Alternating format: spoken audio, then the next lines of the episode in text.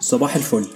أنا أحمد بيومي أهلا بيكم في حلقة جديدة من بودكاست Iron and Carrots أو حديد وجزر. أي فريق كورة لما بيلعب على أرضه احتمالية إن هو يكسب بتبقى أعلى بكتير لما يلعب بره أرضه. ده ممكن عشان التشجيع والجمهور والحاجات دي كلها بس ممكن سبب تاني إن الفريق دايما بيبقى عارف إن الإحصائيات بتبقى في صالحه. يعني هو عارف إن فرص فوزه لما بيكون بيلعب على أرضه بتبقى أعلى بكتير لما يلعب بره. فممكن عشان الفريق بيبقى مصدق إن هو هيكسب عشان بيلعب على أرضه عشان كده هو بيكسب. في 1972 واحد اسمه إيريال عمل دراسة يعني ظريفة جدا تعتبر أو هي دراسة مختلفة جدا. جاب 15 شخص واتفق معاهم إن في خلال السبع أسابيع اللي جاية لو اتمرنوا كويس ونتيجة التمرين بتاعتهم كانت إيجابية هيجيب لهم anabolic steroids زي بالظبط كده لما الأب بيكافئ ولاده وبيجيب لهم هدية لما بينجحوا في الامتحان. إيريال يعني كان حنين شوية جيب لهم hormones لو هم عرفوا إن يتحسنوا كويس في التمرين. المهم اللي حصل إن في ست أشخاص فعلا اتحسنوا بشكل ملحوظ في التمرين. عرفوا إن هم يزيدوا في السكوات والبنش بريس والستاندنج شولدر بريس والسيتد شولدر بريس في الأربع تمارين دول. زادوا تقريبا على بعض اجمالي 10 كيلو يعني رقم كويس في خلال سبع أسابيع. مع العلم إن الناس دول أصلا مش مبتدئين إن هم أصلا بيلعبوا رياضة من زمان فتقريبا متوسط ال bench press لكل واحد حوالي 130 كيلو ده رقم يعتبر محترم لحد يعني بقاله فترة بيلعب. ونفس الكلام برضو بالنسبة لل squat حوالي 130 أو 140 كيلو. اللي حصل إن الست أشخاص دول Ariel خدهم على جنب وابتدى يديلهم دواء اسمه Dianabol أو زي ما بنقول يعني في مصر الدانابول اللي حصل كمان ابتدوا يتمرنوا لمدة أربع أسابيع وتحسنوا فعلا بشكل كبير. بس هم وصلوا إن هم زادوا في أربع أسابيع حوالي 50 كيلو. في الأربع حاجات اللي أنا قلت لكم عليهم. يعني squat bench press standing shoulder press seated shoulder press الأربع حاجات دول زادوا فيهم 50 كيلو. وقبل كده في السبع أسابيع اللي فاتوا زادوا بس 10 كيلو. بس بقى ال plot twist هنا إن Ariel ما طلعش ولا حنين ولا حاجة هو كان بيجيب لهم سكر. ما كانش بيجيب لهم steroids ما كانش بيجيب لهم ال Dianabol كان بيديلهم بلاسيبو يعني الست أشخاص دول اتحسنوا عشان كانوا هم فاكرين إن هم لازم يتحسنوا عشان بياخدوا steroids بس في الحقيقة هما ما كانوش بياخدوا أي حاجة.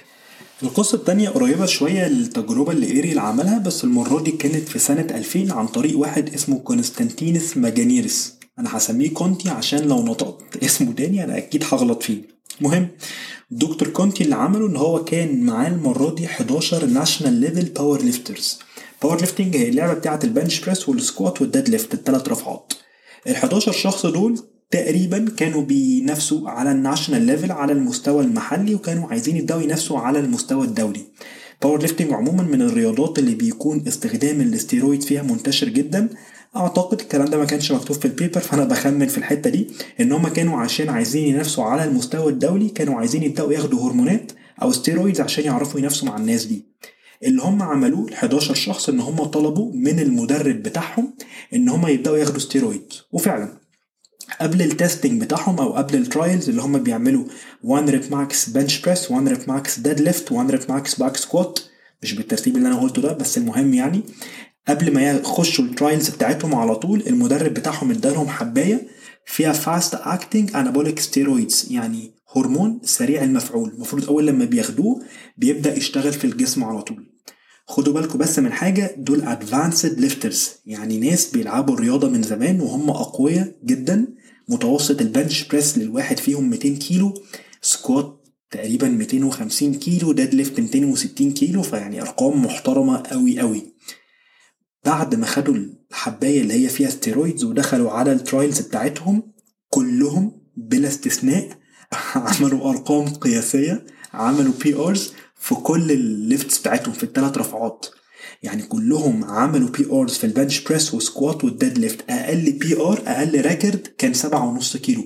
ال advanced lifters ممكن يقعدوا سنين من غير ما يعملوا PR واحد بس والعادي إن هو بيزيد في السنة ممكن كيلو اتنين تلاتة أربعة على حسب التمرين بتاعه بس سبعة ونص كيلو لحد 12 كيلو. في ناس عرفت تزيد 10 و12 كيلو دي أرقام كبيرة جدا جدا يعني. فإزاي عرفوا يزيدوا في في الفترة الصغيرة دي؟ هو خد حباية وبعد كده دخل عمل ال test. عمل ال PR على طول. اللي حصل؟ إن في خلال الأسبوعين اللي بعد ال trial ده كانوا بياخدوا subjective experience يعني بياخدوا رأيهم الشخصي هم حاسين بإيه؟ فالكلام كله كان إيجابي جدا إن هم حاسين إن هم أقوى الأرقام بتتحسن إن هم متفائلين اللي هيحصل قدام الحاجات اللي أنتوا عارفينها دي كلها.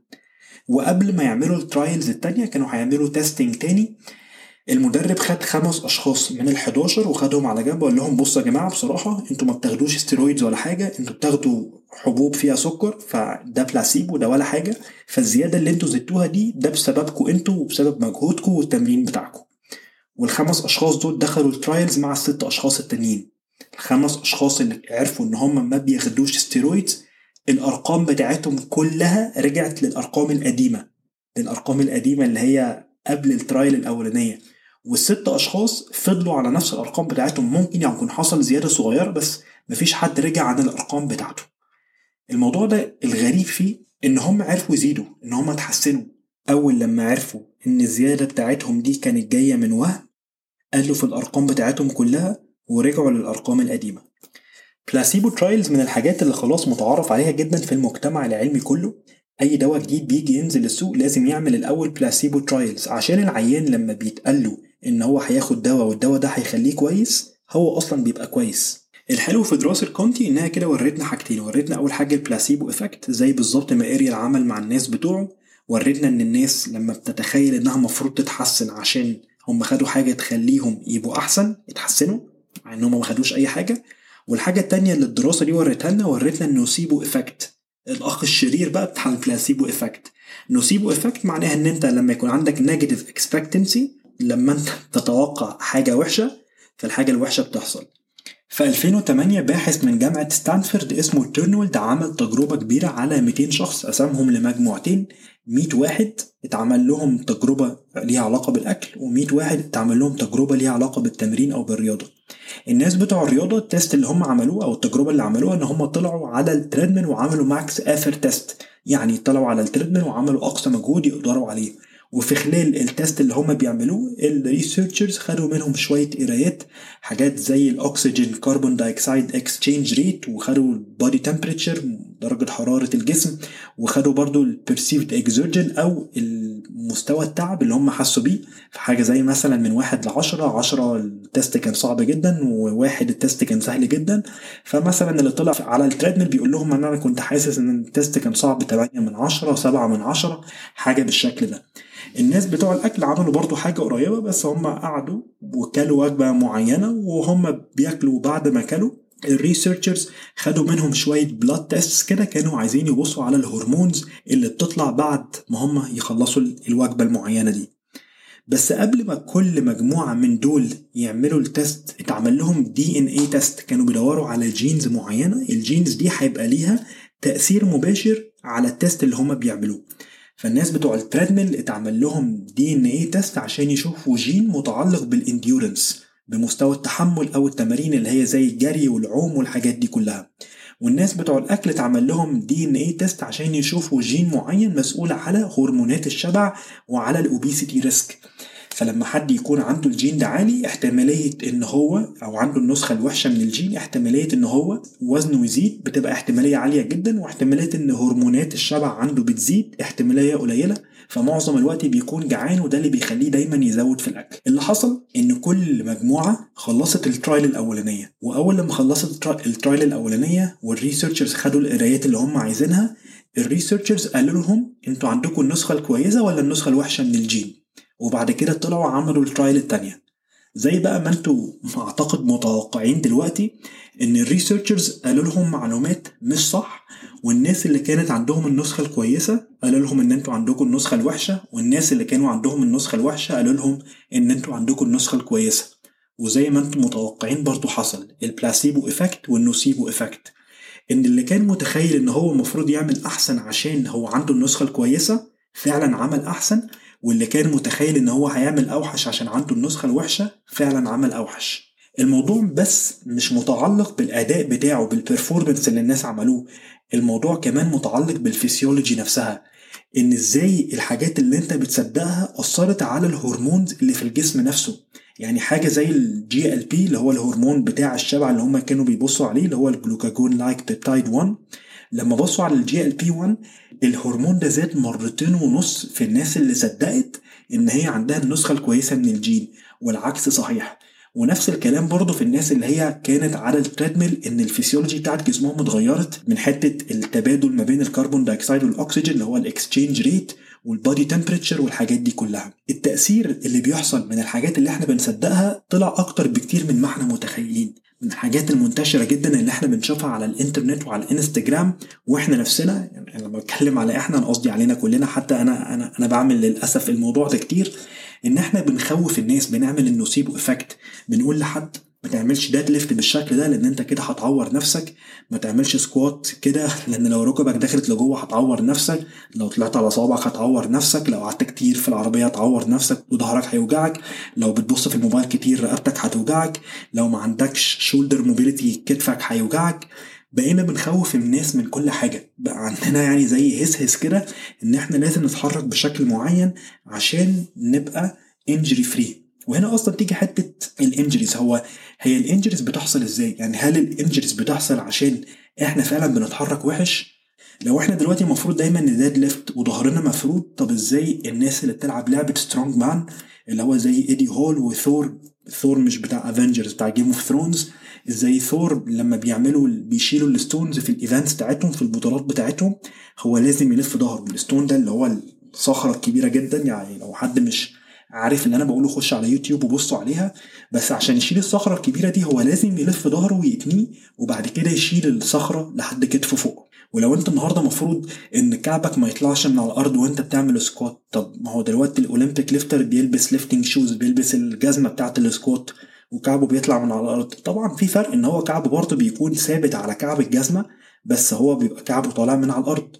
هو إيه الحاجات فعلا اللي ممكن تخلينا نتعور؟ إيه الحاجات اللي ممكن تخلينا نتصاب؟ كلمة انجري هنا مهمة جدا برضو إن إحنا نعرفها. كلمة انجري معناها إن أنت وقفت تمرين خالص. فمعنى إن أنت النهارده حاجة وجعتك غيرت حاجة في التمرين دي ما تعتبرش انجري شوية. دي تعتبر إن أنت خلاص يعني حاجة وجعتك وأنت اتعاملت ايك أو حاجة أو سبازم وبعد كده أنت اتعاملت معاها ورحت مغير حاجة في التمرين بدل ما كنت بتعمل squat عملت leg press فكده خلاص أنت لسه بتتمرن برضو زي ما كنت بتتمرن تقريبا قبل كده. على كلام آخر systematic review على موضوع ال prevalence أو انتشار ال injuries في اللعب اللي هي bodybuilding و powerlifting و Olympic lifting و CrossFit و strongman bodybuilding كانت من أقل اللعب اللي ممكن يحصل فيها injury تقريبا كان بيحصل injury في كل 1000 ل 2000 ساعة تمرين. يعني أنت أنت لو بتتمرن خمس ساعات في الأسبوع ودي ده رقم كويس جدا بتتمرن طول السنة. ما بتوقفش ولا أسبوع فأنت كده عندك تقريبا 250 ساعة. فأنت كل 3 4 5 6 سنين أنت ممكن يجيلك injury واحدة تقعدك في البيت وما تخلكش تتمرن. لما نطلع بقى لل Olympic lifting وال powerlifting وال CrossFit الأرقام بتزيد شوية لأن إحنا عارفين ال intensity أو الأوزان بتبقى أعلى في اللعب دي وبيكون فيها عادة الناس اللي بتلعب اللعب دي بت compete أو بتنافس فيها فممكن ساعتها حدة التمرين نفسه بتبقى أعلى ساعتها ممكن يوصلوا لحد 3 ل 4 injuries لكل 1000 ساعة تمرين. وأعلى حاجة خالص بقى ال strongman وال Highland Games Highland Games لعبة عاملة زي برضو strongman بس بيبقى فيها شوية تنافس برضو مختلف شوية بيشيلوا بقى شوية شجر ويعني برضو فيها قلق يعني بيحصل فيها. فبرضو risk of injury فيها ده ممكن يكون أعلى من الحاجات اللي فاتت كلها. لكل ألف ساعة بيكون عندك risk of 7 injuries من اللي أنا قلته ده اللي عايز أوصله لكم إن إحنا النهارده لو بنلعب bodybuilding أو بنلعب CrossFit أو بنروح نتمرن في group exercise بنلعب function training احتمالية إن أنت تتصاب في الحقيقة هي أقل بكتير من ما أنت متخيل. التهويل اللي ساعات بيحصل بتاع إن أنت لو ما سخنتش كويس أنت هتتصاب لو ما عملتش cool down هتتصاب لو ما عملتش stretchات هتتصاب.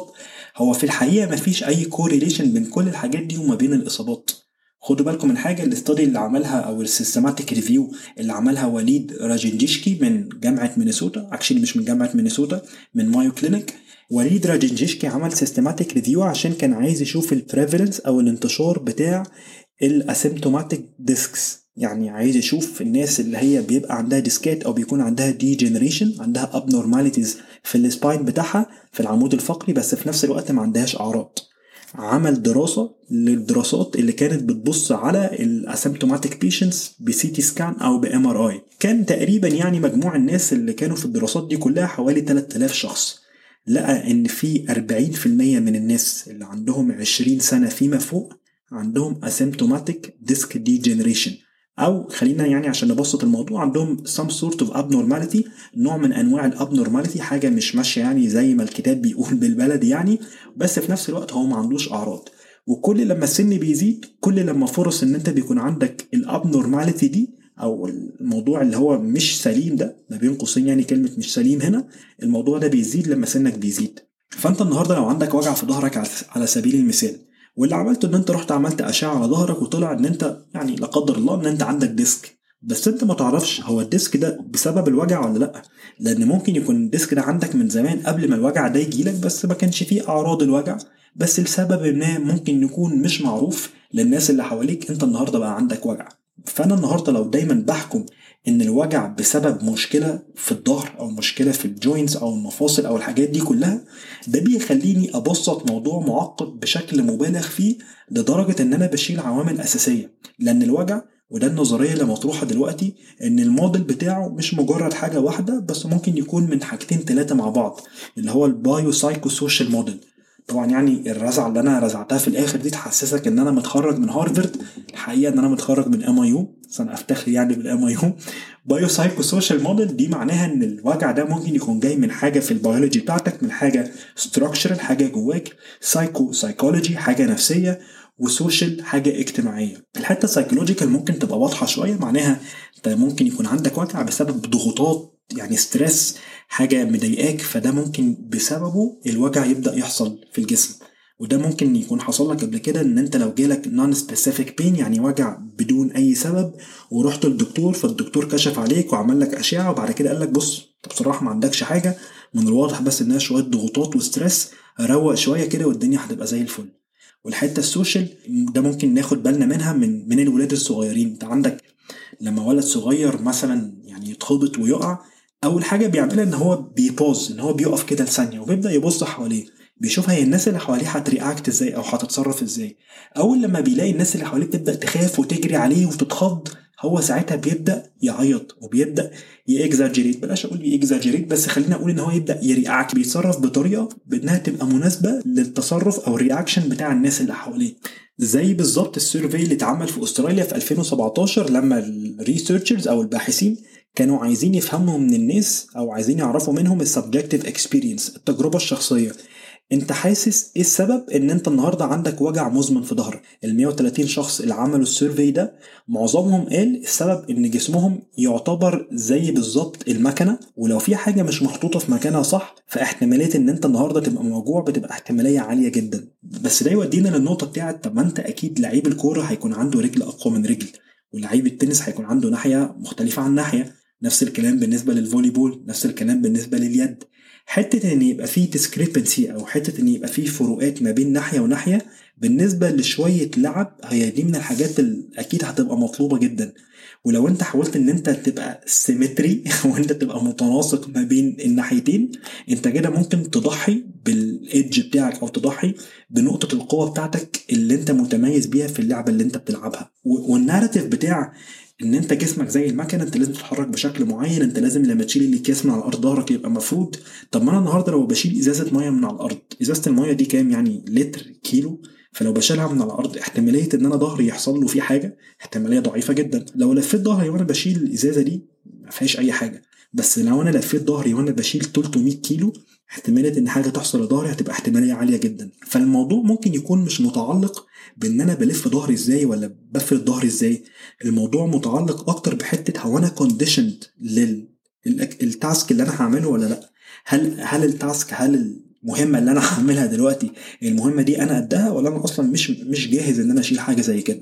عشان كده الناس بتوع strong man لما بيشيل الصخرة الكبيرة هو بيشيلها بمنتهى السهولة بالنسبة له عشان هو متعود على المهمات أو متعود على ال task ده. وعشان كده أنا لما بشيل إزازة المية من على الأرض أنا بعرف أشيلها بمنتهى السهولة عشان أنا برضه متعود على ال task ده. فالأكيد إن إحنا جسمنا بيتحرك بشكل أكتر كتير من ما إحنا ممكن نبقى متخيلينه. الكلام ده برضه مش معناه إن إحنا ما نهتمش بالتكنيك وده حاجة مهمة ومهم نتمرن وخلاص خالص بالعكس. هو التكنيك مهم جدا جدا جدا وأعتقد يعني لأي حد بيتمرن ايا كان المرحلة اللي أنت فيها أنت هيبقى عندك دايما مساحة إن أنت كمان تحسن التكنيك بتاعك ومفروض إن أنت تحاول دايما إن أنت تحسن التكنيك بتاعك. بس الموضوع مش مجرد بس إن هو متعلق بالإصابات وإن أنت هتتوجع أو أنت هتتعور الموضوع كمان ليه علاقة بإن التمرين بتاعك ال dose بتاعته تبقى مظبوطة عليك. عشان لو انت النهارده كل ما بتعمل deadlift ظهرك بيلف ده معناه إن الاحتمالية الأكبر إن أنت عمال بتمرن ال lower back ظهرك من تحت. وللأسف كده أنت ضحيت بإن أنت تمرن من ورا بالشكل المناسب ال glutes وال hamstrings عشان ال dose كلها كانت رايحة لل lower back اللي أنا بس عايز اوصله لكم إن التهويل أو catastrophization للمواقف نفسها ممكن بس النتيجة السلبية بتاعتهم اللي هو بقى هنا هنسميها ال nocebo effect هتبقى أكتر بكتير من اللي ممكن يحصل أصلا لو أنت النهارده عملت الحاجة اللي ما بين قوسين مش صح. ندى لوكا في 2012 طبعا هي ما اسمهاش ندى لوكا هي هي أول حاجة هي هي assistant professor في Johns Hopkins University يعني فكل الاحترام والتقدير طبعا ليها بس أنا مش عارف أنطق اسم العيلة أو اسم الأب فإحنا هنسميها لوكا يعني ويعني أتمنى لو هي سمعت البودكاست ما تتضايقش مني بس بنسبة 99.9 من عشرة هي مش هتسمع البودكاست فإحنا في الأمان يعني.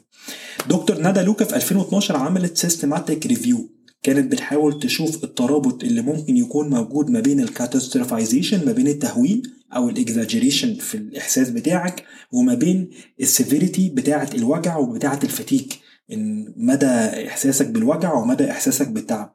ولقت إن في ترابط واضح جدا وكبير جدا ما بين الاتنين والترابط ده ممكن يكون بسبب حاجتين peripheral fatigue و central fatigue peripheral fatigue معناها إن أنت النهارده عندك وجع في الأطراف نفسها يعني أنت النهارده لو حاسس إن ركبتك بتوجعك ومش قادر تتحرك مجرد إن أنت بت exaggerate وبتبالغ في إحساسك بالوجع أو بتحس إن أنت you're helpless إن أنت خلاص ما تقدرش تساعد نفسك وإن هي دي النهاية ومش هتعرف تمشي تاني ال severity أو مدى الألم اللي أنت بتحسه بتبقى أعلى وفي نفس الوقت إن أنت بيكون عندك central fatigue وهنا ال central fatigue كان معناها إن أنت أصلا مش بيكون عندك ال motivation إن أنت تتحرك مش بيكون عندك الحماس إن أنت تحاول إنك تبقى أحسن لأن أنت حاسس إن خلاص هي دي النهاية. في الآخر اللي أنا دايما ببقى متأكد منه إن حتى النصايح اللي إحنا بنقولها والنصايح اللي إحنا بنسمعها هي ساعات بس بتطلع بره السياق بتاعها. بس عموما أنت المفروض تهتم بالتكنيك. انت المفروض تركز في التمرين بتاعك. انت المفروض تسخن كويس. انت المفروض تعمل cool down انت المفروض تعمل stretches بس لو انت ما عملتش الحاجات دي ال negative drawback أو يعني اللي هيحصل لك بسببها أقل بكتير من اللي انت هتبقى متخيله. وإن عاده الموضوع هيبقى متعلق بالسياق نفسه بال context اللي انت فيه. أنا النهارده لو واحد أصلا مشغول ويا دوبك بتمرن بالعافية وعندي شغل الصبح وعندي بيتي ومخلف مش مهم خالص خالص إن أنا stretch لأن ال stretchات مش هتخلي الوجع يروح ومش هتخليني ا recover أحسن بس ال stretchات بالنسبة لواحد بيلعب جمباز واللعبة دي مثلا من أهم الحاجات اللي هو بيعملها في حياته وان هو نفسه مثلا يروح ال Olympics فال stretches هي دي حاجة ما ينفعش إن هو ما يعملهاش.